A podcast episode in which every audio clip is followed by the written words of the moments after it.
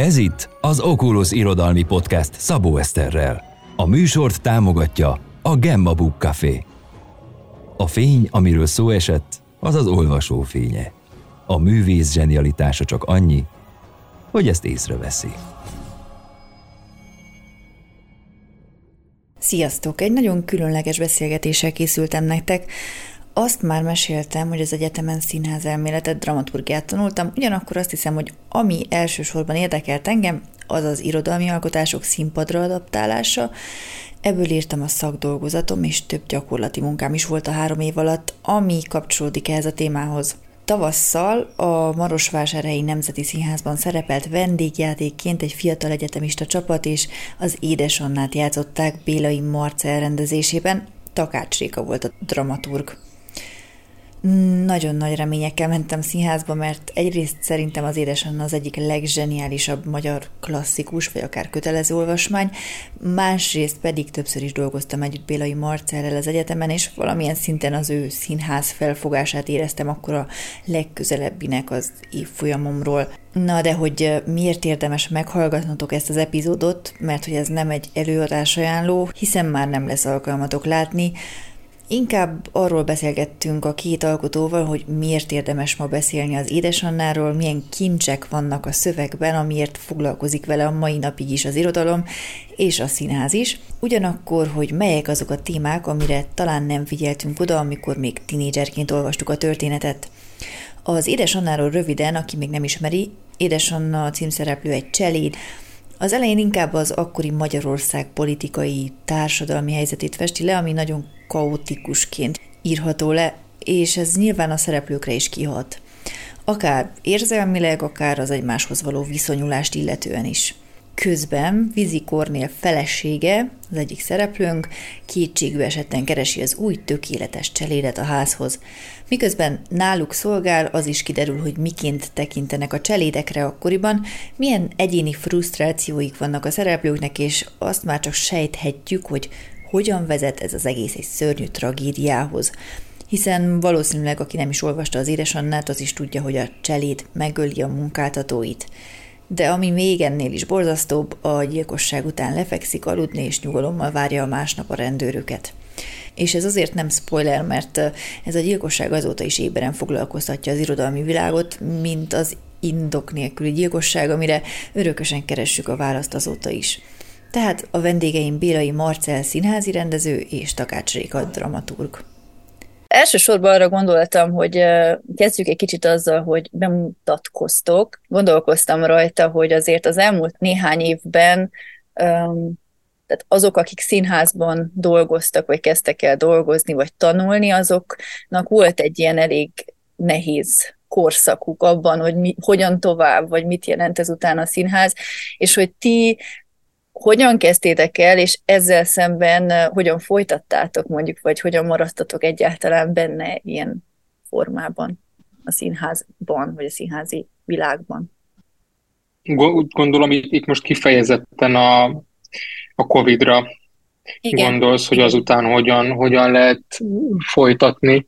Én szerintem ez még most is kérdés, vagy legalábbis Magyarországon biztosan kérdés, ha azt nézzük, hogy milyen szinten zajlanak forráskivonások a kultúra egész területére vonatkozóan, de, de főleg a színház területére vonatkozóan, akkor én azt hiszem, hogy, hogy a magam részéről ez a kérdés ez jelenleg is fennáll, hogy ezt hogyan lehet csinálni, és úgy egészíteném ki ezt a mondatot, hogy hogyan lehet ezt csinálni épésszel. Tehát, hogy, hogy úgy látom, hogy, hogy most, hogy nyilván a saját szakterületemről beszélve, tehát pályakezdő rendezőként, Isten igazából, hogyha nem ö, tudsz megfogni külszínházi munkákat, akkor nagyon nehéz.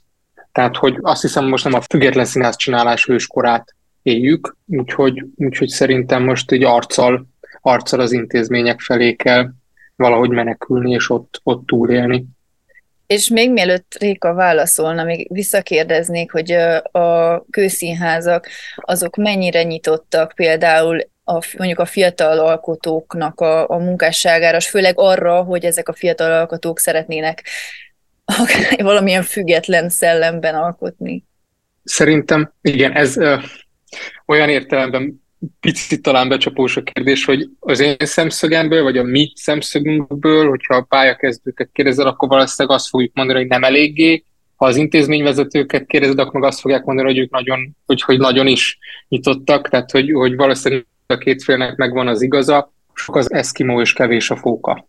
Tehát, hogy ez, ezzel a nagyon politikus válaszsal tudok erre válaszolni. Azt látom egyébként, hogy igyekeznek adni az intézményvezetők lehetőséget fiataloknak, de hát baromi sokan vagyunk.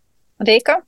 Én pont akkor fejeztem be a teatrológia alapképzést, amikor volt a Covid, úgyhogy Zoomon államvizsgáztam, és utána ki is hagytam egy évet, hogy ezt feldolgozzam. Utána pedig jelentkeztem a drámaírás mesterire, Kárpáti Péter és Albert Mária osztályába,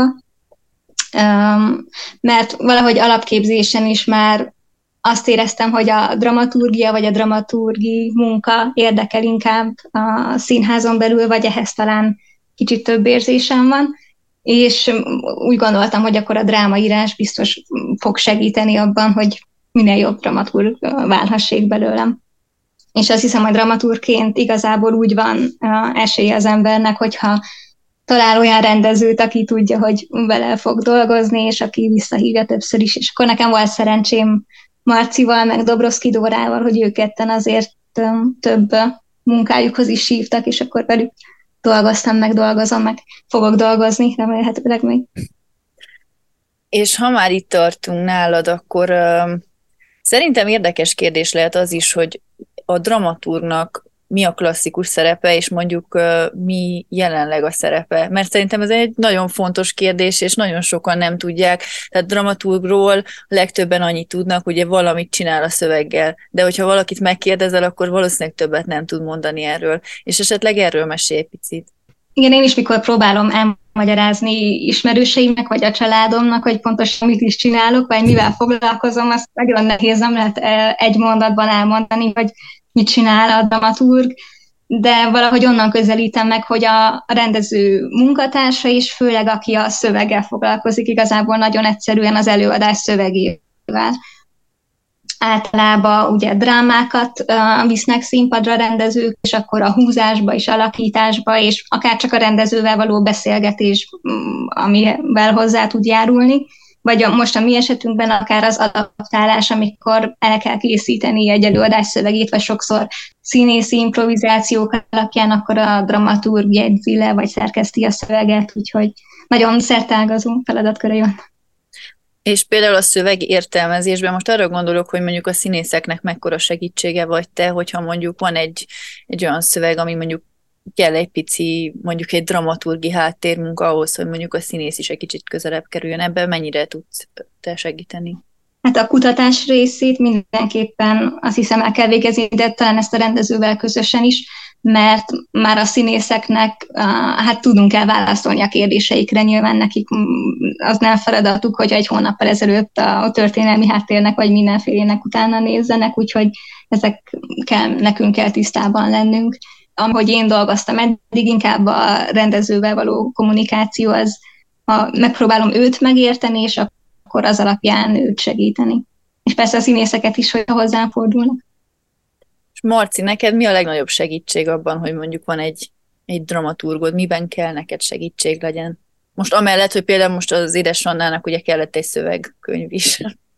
Magamnak úgy szoktam megfogalmazni, hogy a dramaturg a rendező legjobb barátja jó esetben, vagy hogyha ha jól működik a munka. Hát kell, kell mindenféleképpen egy külső szem, aki néha ránéz a dologra, bejön egy próbára megnézni, és az óromra koppint, hogyha ha azt látja, hogy nem abba az irányba megyünk, mint amit kijelöltünk magunknak nyilván. A rendező azt hiszem elég hamar megvakul a, a próba folyamat során, hiszen ő tudja, hogy mit akar látni, és, és sokszor van az, magamon is észrevettem, hogy azt látom, amit akarok látni, miközben nem is az történik.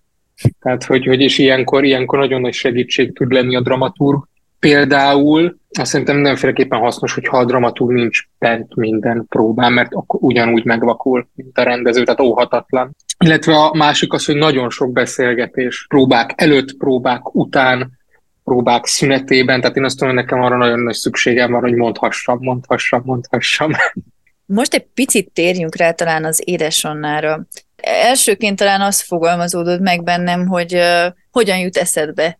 hát, hogy nyilván egy nagyon jó uh, történetről van szó, ami, amit gyakorlatilag tényleg akármikor lehet használni, és azt hiszem, hogy ezt valahol olvastam is uh, Kosztolányival kapcsolatban, hogy uh, egy olyan, olyan szerző, aki szeret kortalan alkotni, tehát hogy olyan szövegek, ami nem feltétlenül egy bizonyos korban érvényesek csak, de hogy neked hogy jutott eszedbe, vagy kinek jutott eszébe ez, hogy édesanna legyen? Hát ez nagyon, nagyon praktikus lesz a válaszom erre, és utána majd igyekszem kitérni arra is, amit, amit felvetettél Kosztolányival és a kortalanságával kapcsolatban, mert szerintem pont ennek az anyagnak a tükrében ez egy nagyon izgalmas kérdés, de visszatérve még arra, hogy hogyan jött ez az anyag, amikor Kozma Gábor Viktor, ugye a, a, az osztályvezetője ennek az osztálynak, a, a harmadéves kolozsvári színészosztálynak, és amikor elkezdtünk beszélni arról, hogy dolgoznék az osztályjal, akkor belépett a történetbe a Dunói Városi Bartók Kamara Színház, mint koprodukciós partner, és akkor, akkor már így ebben a hármas egyeztetésben indult el, hogy a Dunói Városi Színház kérte, hogy jó lenne, hogy ha egy, ha egy regény, magyar klakus regény adaptációjában gondolkodnánk, és hát akkor végignéztem, hogy mi, mi van benne a tantervben, ez is kifejezetten kérés, hogy lehetőség szerint valami olyasmi, ami a nemzeti alaptanterv része, és úgyhogy akkor így lett az Édesanna a választásunk. Mi az akkor, amiért te tudnál ezzel dolgozni konkrétan? Miközben egy nagyon konkrét korba, sőt történelmi pillanatba ágyazza az egész történetet, ugye a 133 napig tartó tanácsköztársaság bukása után napokban vagyunk. Tehát egy ennyire meghatározott, konkrét történelmi eseménytől függetlenül is, vagy ebbe való ágyazottságtól függetlenül is tud nagyon tényleg korokon, korszakokon átívelően beszélni az irgalomról, az irgalomnak a hiányáról, társadalom végletekig való kettészakadtságáról, félelemről, tehát, hogy, hogy nagyon érdekes, hogy ennyire konkrét díszletben, ennyire univerzálisan tudja kitágítani ezt a világot. És ami az én, én számomra a legfontosabb volt ebben, ebben az anyagban, az az, az amit, amit a Movister, Movister doktor úr szájába ad a szerző, hogy, hogy, hogy valahogy nagyon szűkölködünk az irgalomban, meg a megbocsájtásban manapság, és abban a pattanásig feszült állapotban, ami, amit én érzékelek most, hogy van nem csak Magyarországon, hanem ámlok az egész térségben, hát az biztos, hogy, hogy azért, azért is tudunk idáig eljutni, mert bizonyos irgalom ez, ennek szűkében vagyunk.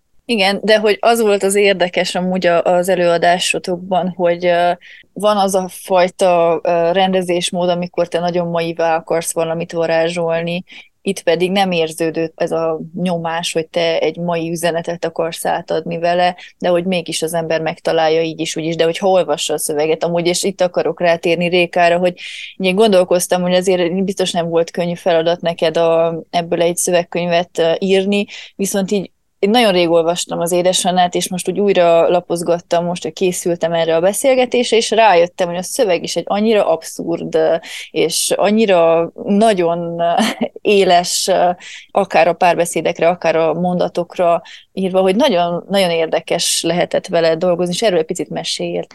Igen, nagyon izgalmas volt a szöveggel dolgozni, és nekem, én még soha nem adaptáltam színpadra, regényt ráadásul, vagy ilyen komplex munkát, hogy egy teljes előadás szöveget elkészítsek, ilyen feladatom még nem volt, viszont hatalmas segítség volt Marci, és nekem mindig az a nehézségem, hogy hajlamos vagyok a részletekbe elveszni, és hogyha nincs valaki, aki tudom, hogy átlátja mögöttem, és segít, és irányít, akkor nekem is sokkal nehezebb dolgozni de hát igazából együtt csináltuk az egészet, vagy úgy volt általában, hogy én hoztam egy ajánlatot, egy rész, mondjuk egy pár fejezetet adaptáltam, azt átbeszéltük együtt, és akkor Marci elmondta, hogy te is mondtad, hogy nagyon ilyen a, a szöveg abszurd helyenként, és akkor hogyan tudjuk még inkább, vagy mivel tudjuk még megtölteni, hogy a mi saját világunkat az édesanna világán belül kialakítsuk valahogy ez az adaptációnak a lényege, vagy szerintem Szkárpáti Péter mondja, hogy az egy személyes újramesélés, hogy mi a mi édesanyja történetünk, és hogyan tudjuk azt elmesélni mi.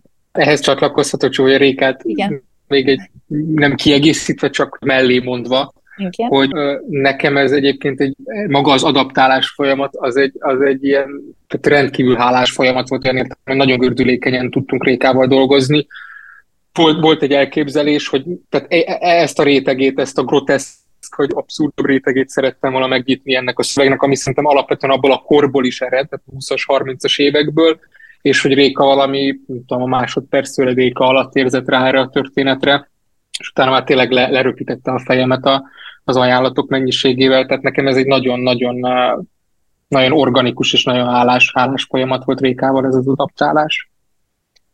És uh, ugye, ha már abszurdnál vagyunk, most akik szerencsések voltak és látták ezt az előadást, mert ugye ez egy uh, megismételhetetlen kis uh, előadás sorozat volt, úgymond ebben az évben, azok uh, egy nagyon-nagyon érdekes színházi formát láthattak. Most így uh, picit mesél, hogy hogyan tudtad ezt az abszurd szöveget átalakítani színházzá?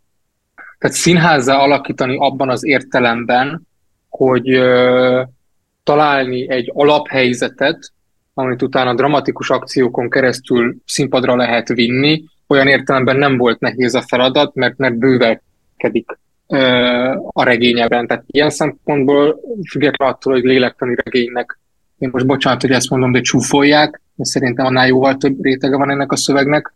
Tehát nem, nem volt nehéz, mert nagyon dramatikus. Függetlenül attól, hogy ugye a narrátori szerepkör az rettentően fontos, hiszen mondhatnánk azt, hogy nagyon sok belső lélektani, szubjektív folyamatot a narrátoron keresztül kapunk meg, miközben meg ez csak félig meddig igaz, mert mondjuk édesanna érzéseiről én úgy emlékszem, hogy egy darab mondat nem esik de egy darab sem. Uh-huh. Sőt, egyébként, ha belegondolok, Vizinéjéről sem, hanem Vizinének is, hogyha ha azt nézzük, hogy Vizinébe próbál bekukkantani a narrátor, akkor az ő esetében is általában gesztusokkal írja le. Tehát nagyon, ilyen értelemben nagyon plastikus a szöveg, vagy nagyon-nagyon képi, Abszolút. ez így pontosabb, talán nagyon képi és nagyon láttat a szöveg. Ha színházzá akarom fordítani, akkor minthogyha maga a szöveg is afele vezetne, hogy ne belülről kifele kezdjem el instruálni a színészeket, tehát ne okokozati értelembe kezdjem el nekik lélektanilag kauzálisan fölvezetni egy adott szituációt, hanem ki, úgymond kívülről befelé ezeket a gesztusokat alapul véve, nyilván az adott helyzetnek a tükrében. És mivel ez, ez az irány, amiben elkezdtünk dolgozni, tehát hogy, hogy nagyon konkrét formákat, meg megoldásokat kezdtem kérni az elején a színészektől, ezért ez önmagában már ezt a formanyelvet, ami a groteszkbe hajló, hozza magával. De maga a formanyelv az nagyon világos volt számomra az elejétől kezdve, mert, mert hogy az világos volt, hogy ezt, tehát ebből az anyagból ezt, ezt szeretnénk csinálni.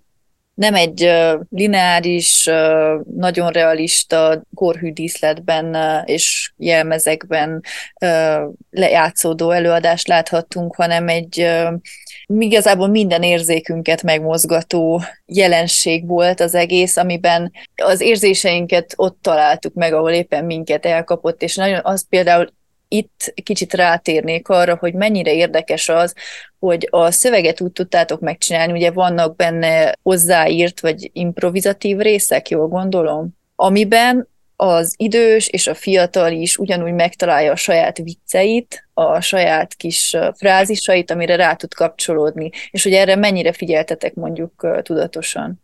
Én nagyon kíváncsi vagyok, hogy mit gondolsz erről.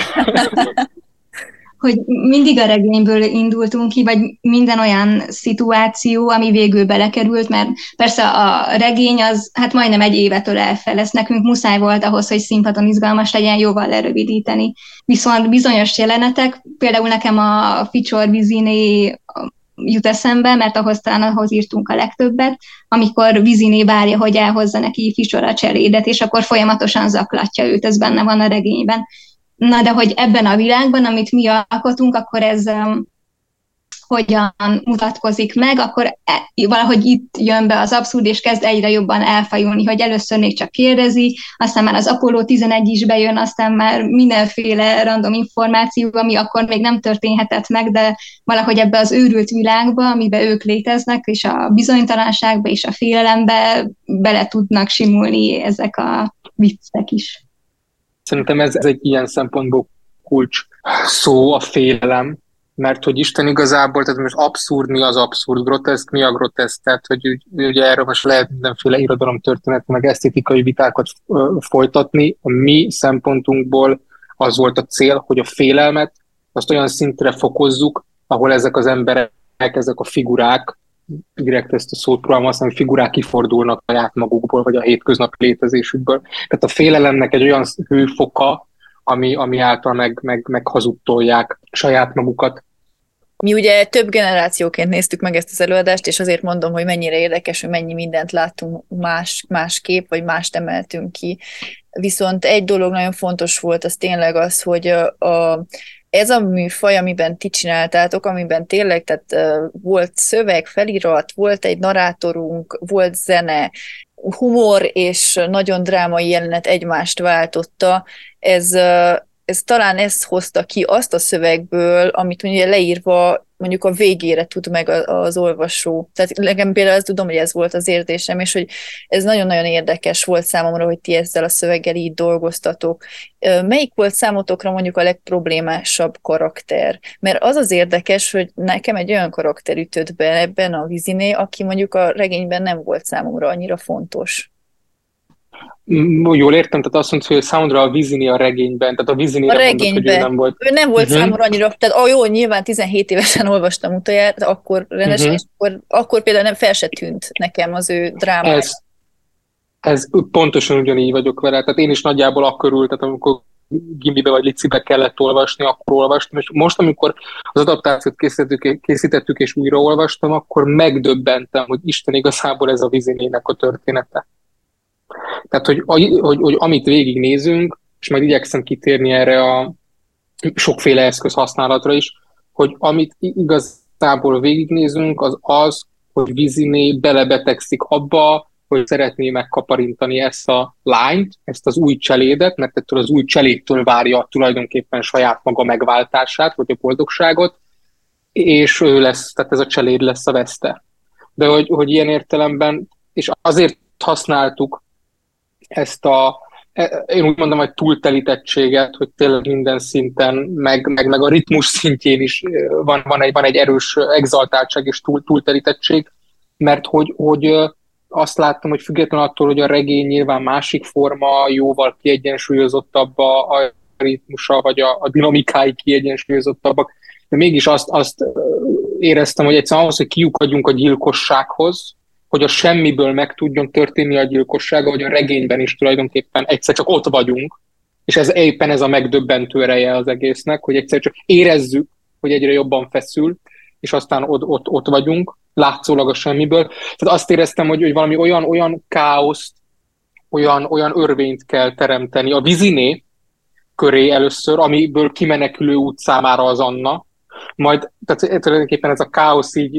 indulatátvitelben megkapja Anna, tehát egy olyan örvényt teremteni ő köré is, annan az egyetlen menekülés számára az a gyilkosság. Tehát olyan, mintha ha lent lenne a víz alatt, próbálna levegőt kapni, és az, hogy levegőt tudjon venni, ahhoz, ahhoz azt kellett, hogy az a, az a kés az párszor, párszor megforduljon a másik két embernek a testében. Hogy legyen csend, legyen végre csend és ezért van, hogy ennyi eszközt, meg ennyi, ennyi, ennyi mindent használunk az előadásban. Réka, esetleg neked így karakter szempontjából?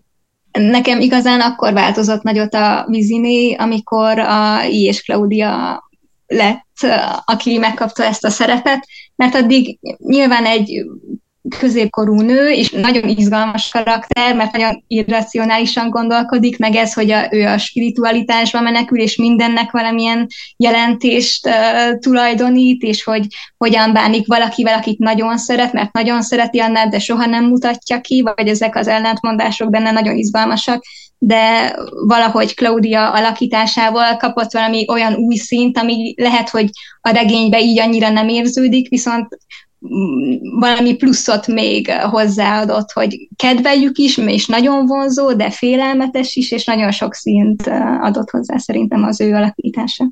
Így lassan a végéhez érve a műsornak még egy, lenne egy erősebb kérdésem hozzátok.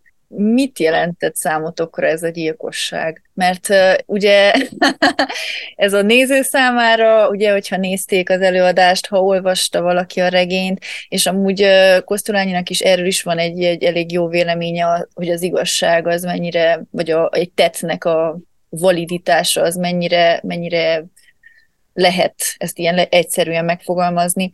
Ezen szerintem mindenki elgondolkozik nagyon sokáig, hogyha ezt a, ezt a történetet hallja vagy látja. Hát azt tudom, hogy amikor még a, olvasgattam én is a regényről és a fogadtatásáról, akkor nagyon sok kritika érte Kosztolányit, hogy mennyire megalapozott, meg én is, amikor olvastam, és már megtörtént, valahogy annyira hamar és annyira váratlanul, még tudtam, hogy meg fog történni, de valahogy a regényben mégis annyira keveset kapok, és kíváncsi vagyok, hogy még, még, még kíváncsi vagyok rá. Viszont azt nem gondolom, hogy megalapozatlan, mert vannak nagyon-nagyon finom utalások, például nekem az egyik kedvenc részem a regényben, amikor megérkezik Anna vizinéjékhez, Fischer oda viszi, és akkor van egy ilyen nagyon rossz érzése, de mivel nem tudja megfogalmazni magának, mi ez a rossz érzés, valahogy úgy írja Kosztolányi, hogy ha az egészséges ösztönére hallgat, akkor innen elmenekül, és vissza se ér tovább, vagy, vagy akár ez is, hogy, hogy Kálmánnak hívják az urat, neki ez ilyen nagyon furcsa, és ettől is rosszul érzi magát, tehát csomó ilyen finom utalás. Kornél. Vagy Most gondolkodtam, hogy Kálmán. De akár, akár. Hát a Kálmánnak hívnák, az még összekevertem a saját drámámat. Szóval, hogy Cornélnek hívják az urat. Úgyhogy azt nem gondolom, hogy megalapozatlan, de váratlan, igen, mindenképpen. Mivel, hogy ő sem tudja megmagyarázni magának, hogy nem egy előre eltervezett dolog, amikor megtörténik, akkor is ugye nagyon furcsa, mert már túl van a Jancsi való kapcsolatán, a szakításon. Volt esélye, hogy elmenjen Vizinéjéktől, amikor megkéri a kéményseprő feleségül, de mégsem ment el, szóval ő úgy dönt, hogy ott marad, és akkor utána következik be valamiképpen. Most ez lehet nagyon bonyolult, mert nagyon esztetizáló lesz, de hogy pont amit a, a tárgyaláson mond Movister, ami adaptációnkban, nem tudom, hogy pontosan most az eredeti regényben kimondja, vagy kinek a szájba van adva, hogy tisztelt bíró úr, egy emberi tettet nem lehet megmagyarázni sem egy, sem pedig több okkal, mert minden tett mögött ott áll a teljes ember az egész életével. És éppen ez szerintem, tehát, hogy, hogy nincsen egy konkrét oka Ugye, tehát egy ez, a, ez az indíték, mi volt az indíték, féltékenység, mi volt az indíték, uh, etc., etc., de hogy, hogy szerintem éppen ez az emberi létben egy, egy, nagyon-nagyon bizonytalan és ebből adódóan nagyon ijesztő mozzanat, és ez az, amit megnyit Kosztolányi, hogy nem lehet ráfogni, akármennyire szeretnénk, hogy ez ezért történik, az azért történik, az meg azért. Mert hogyha valamit ugye tudunk, hogy miért történik, akkor már birtokoljuk, tudjuk, értjük, akkor, akkor biztonságban érezhetjük magunk, de ez nem így van. Tehát ez, ez szerintem egy bődületes nagy hazugság, hogy, hogy, hogy értjük, hogy mit, mi miért történik, akarjuk érteni, az teljesen rendben van. A másik pedig, hogy, hogy annyira horrorisztikus uh, maga, a, tehát annyira ott van benne a horrorisztikusság a regényben, hogy ez már a hangulatában, az atmoszférájában nagyon pontosan, már csak az a, ez a félmondat, hogy leeresztett redőnyök tehát hogy félig reeresztett redőnyök, hogy azonnal megteremt egy olyan atmoszférát, amiben rögtön létrejön annak az energiája és a lehetősége, hogy így gyilkosság történjen. Tehát, hogy, hogy ilyen szempontból szerintem nagyon pontosan fel van vezetve az érzetek szintjén, de nem a logikusság szintjén. És ezen gondolkozom, hogy kérdezted, hogy mit jelent, hogy, hogy jelent vagy hat, mert hogy, hogy én a magam részéről mindig, mindig hatásokba gondolkozom, nem, nem jelentésekben, hogy hogyan tud hatni az adott dolog, és hogyha ha ez Kosztolány ilyen nagyon megmutatva, vagy nagyon kirakva vezette volna föl ezt a gyilkosságot, akkor biztosan nem hatott volna. Tehát azt a hatást, amit elér azzal, hogy egyszer csak ott vagyunk ebben a gyilkosságban, azt, hogyha már várom 20 oldala, hogy na jó, most 20 oldalal ezelőtt kezdve, hogy na most már mikor fog megtörténni, most nem fog csúnyán fogalmazni, de hát akkor füstbe megy az egész, az egész tulajdonképpen. Igen, érdekes, mert amúgy nekem, tehát én a jelentésén nagyon sokat gondolkoztam amúgy az előadás után, mert hogy, és arra jutottam, hogy valószínűleg úgy az van, hogy annyira nincsen egy ilyen egységes álláspont, vagy egy egységes ilyen döntés amellett, hogy akkor melyik gyilkosság valid, és melyik nem. Mert ugye most van, amelyiket, egy halált, vagy egy gyilkosságot nagyon-nagyon kiemelünk, valamelyik teljesen el, elkopik mellettünk, úgyhogy nem is beszélünk róla, és valószínűleg ez az, ez az érdekessége az egésznek, hogy most minek adunk hitelt, és mi az, ami, ami meg, meg egyáltalán nem. Tehát... E, ez, ez ügyben, hogy azt hiszem, hogy, hogy az talán egy kulcs szó tud lenni, hogy nyugtalanító hogy az ilyen, ilyen nem érthető dolgok, azok, azok mindig nyugtalanítóak, hiszen nem érthetőek, tehát hogy a természetükből fakadóan nyugtalanítóak, és azt hiszem, hogy ezt nem szeretjük. Nem jó, ha valami nyugtalanít minket, nem? Tehát emiatt rögtön elkezdünk találni bélyegeket, hogy mire mit tudunk rányomni, és akkor már is biztonságban érezzük magunkat, és nem vagyunk nyugtalanok. Hát én nagyon-nagyon szépen köszönöm nektek, hogy beszélgethettünk egyet, és gratulálok még egyszer az előadáshoz, és nagyon remélem, hogy a következő közös munkátokról majd előtte, vagy valamikor a premier előtt már tudunk beszélgetni, hogy majd a hallgatók meg is tudják nézni azt. De remélem, hogy remélem, hogy így is mindenkinek egy, egy azért adott egy plusz vonalat akár ahhoz, hogy újraolvassák ezt a regényt. Köszönöm szépen. Köszönjük mi is. Bélai Marcel színházi rendezőt és Takács Rékat dramaturgot hallhattátok. Köszönöm nagyon szépen, hogy velünk tartottatok, ajánlom, hogy kövessétek továbbra is a munkásságukat. Biztos vagyok benne, hogy még sok izgalmas színházi élménnyel gazdagítanak majd minket határon innen és túl is. Járjatok színházba, olvassatok sokat, és tartsatok velem legközelebb is. Sziasztok! Hogyha még nem tettétek meg, kövessétek az Oculus Facebookon, Instagramon és Spotify-on.